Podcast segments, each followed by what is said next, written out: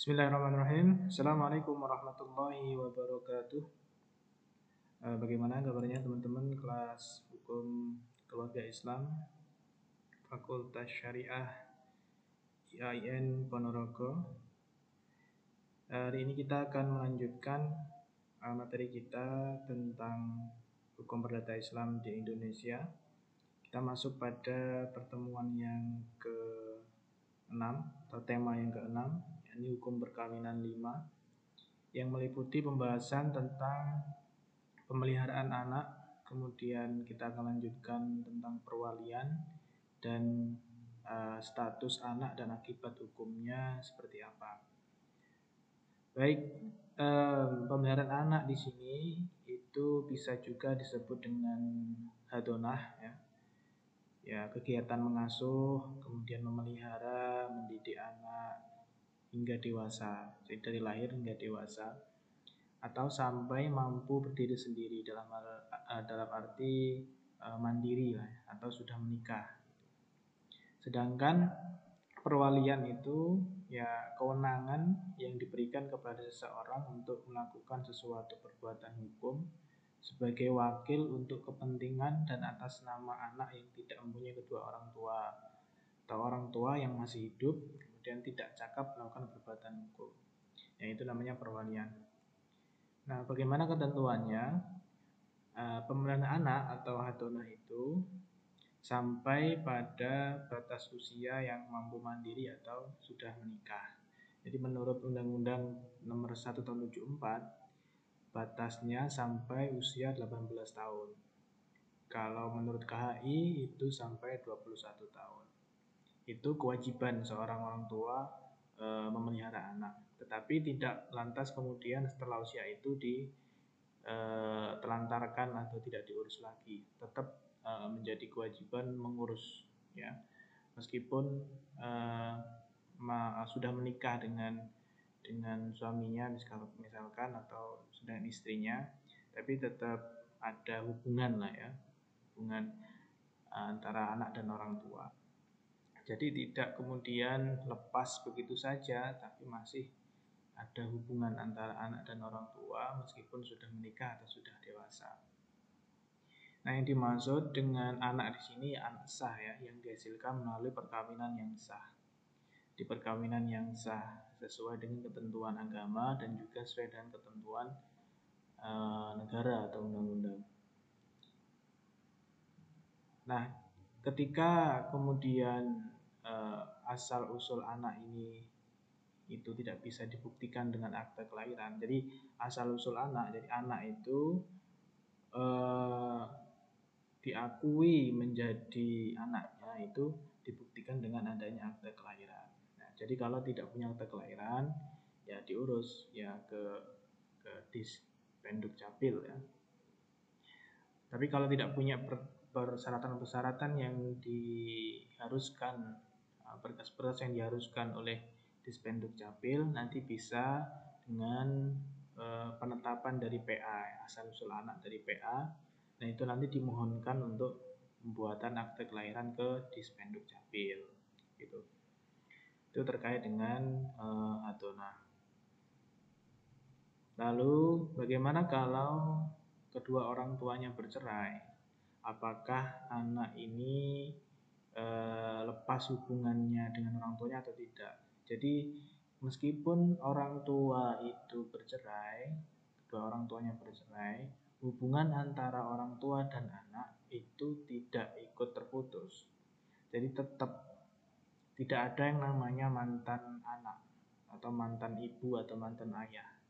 Ya, meskipun ada mantan suami atau mantan pacar ada, mantan anak tidak ada. Jadi tetap ya eh, kewajiban seorang orang tua itu ya memelihara anak itu meskipun meskipun orang tuanya sudah bercerai. Nah, hak pengasuhannya jadi kalau anak yang belum 12 tahun itu menjadi hak ibunya. Ini pengasuhannya dilimpahkan kepada ibunya.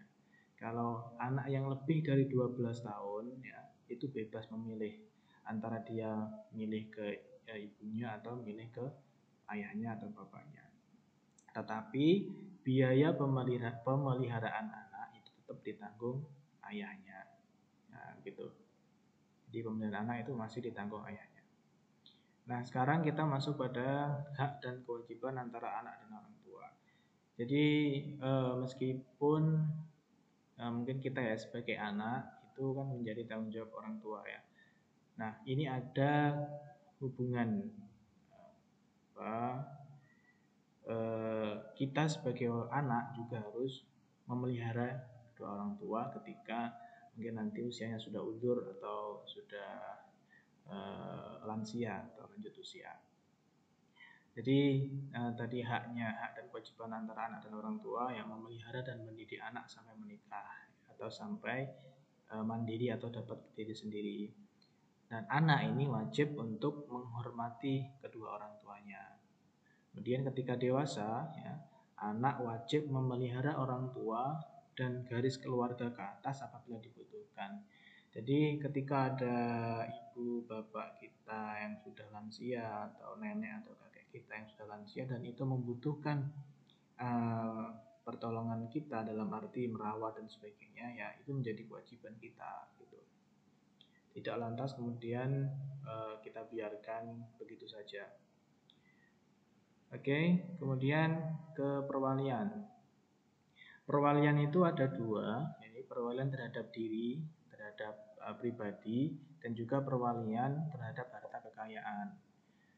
Jadi misalkan uh, apa namanya perwalian terhadap diri itu ya bagi anak yang belum dewasa atau belum menikah itu uh, perwaliannya ya ke ke orang tuanya. Gitu. Seperti anak yang masih di bawah 18 tahun itu kalau menurut Undang-Undang Nomor 174 atau anak yang di bawah 21 tahun itu menurut KHI itu masih menjadi eh, apa namanya kalau dia dihitung belum cakap gitu ya belum cakap eh, makanya harus butuh perwalian terhadap terhadap dirinya gitu kalau terhadap harta kekayaan ada lima eh, apa namanya yang bisa dilakukan terhadap harta kekayaan anak ya. Pertama mengurus ya. Jadi wali itu wajib mengurus eh, anak yang di bawah penguasaannya dan harta bendanya sebaik-baiknya dengan menghormati agama dan budaya anak tersebut. Kemudian bertanggung jawab ya, bertanggung jawab terhadap harta itu. Lalu dilarang berlaku curang. Jadi tidak boleh kemudian harta kekayaan yang uh, perwalian itu yang di yang diwalikan itu itu kemudian di uh, apa namanya diasingkan harta hartanya ke ke orang lain atau dicuri atau digelapkan dan sebagainya dilarang berlaku seperti itu kemudian boleh ya. Wali itu menggunakan atau manfaatkan harta selagi itu diperlukan untuk kepentingan ya menurut kepatutan. Jadi kepentingan kepentingan perwalian itu kepentingan anak anaknya seperti itu. Kemudian ketika nanti sudah dewasa sudah berumur 21 tahun atau sudah menikah maka harta kekayaan si anak itu wajib diberikan diserahkan kepada anak tersebut nah, begitu kemudian kita lanjut status anak dan akibat hukumnya ada anak sah dan juga ada anak di luar perkawinan. Kalau anak sah itu ya statusnya ya status sah kan ya. Jadi dia mendapatkan uh, apa namanya hak sebagai anak ya dipelihara uh, hak donah yang yang seperti saya jelaskan di awal tadi. Kemudian kalau anak di luar perkawinan ya seperti anak hasil perzinan atau anak hasil pernikahan siri ya itu masuk dalam anak di luar perkawinan ya. Meskipun nikah siri itu sah menurut agama tetapi tidak sah menurut negara sehingga anaknya ini dikatakan anak di luar perkawinan ya. Makanya eh, jangan sampai kemudian nanti ya kalian yang belum menikah itu menikah dengan siri. Jangan karena nanti berakibat hukum fatal ke anak-anaknya. Anaknya dianggap sebagai anak yang di luar perkawinan. Beda lagi nanti kalau uh, siri ya kemudian diakadkan lagi atau diisbatkan nikah ke pengadilan uh, agama maka itu boleh uh, anaknya dikatakan sebagai anak yang anak yang sah. Kemudian akibat hukumnya apa? Jadi anak di luar perkawinan uh, yang sah itu hanya mempunyai nasab dengan ibu dan keluarga ibunya. Nah, makanya itu. Jangan sampai uh, nanti kalian ya punya anak yang di luar uh, perkawinan. Karena nanti nasabnya akan hanya ada di ibunya dan keluarga ibunya saja tidak ke bapaknya dan keluarga bapaknya. Itu. Uh, hubungan akibat hukum yang lain bahwa hubungan anak dan orang tua itu tidak hilang sebab terjadi perceraian. Ya seperti saya singgung di awal tadi bahwa meskipun orang tuanya itu bercerai maka tidak memutus hubungan antara anak dan orang tua. Itu Nah, meskipun kemudian sudah bercerai ya, si ayah ini juga wajib memberikan nafkah terhadap anaknya ya. Sampai pada usia-usia yang dianggap sudah mandiri atau sudah dewasa. Itulah kewajiban-kewajiban sebagai orang tua. Nah, ini saja yang eh, bisa saya sampaikan menambahi dari penjelasan-penjelasan eh, teman-teman mungkin ya tadi sudah didiskusikan. Jadi eh, terkait dengan hadonah, kemudian perwalian, kemudian status anak dan akibat hukumnya, nanti juga bisa dipelajari lagi atau dibaca lagi di kompilasi hukum Islam atau juga di Undang-Undang Nomor 1 Tahun 74 terkait dengan pemeliharaan anak. Nah ini nanti harus dalami lagi atau e, harus paham ya karena memang nanti ini menjadi uh, hukum material ketika nanti kalian menjadi hakim atau menjadi pengacara ke uh, di di pengadilan agama gitu terkait dengan masalah-masalah perdata yang menyangkut hak asuh anak dan sebagainya gitu. Baik, saya kira cukup. Kurang lebihnya mohon maaf. Assalamualaikum warahmatullahi wabarakatuh.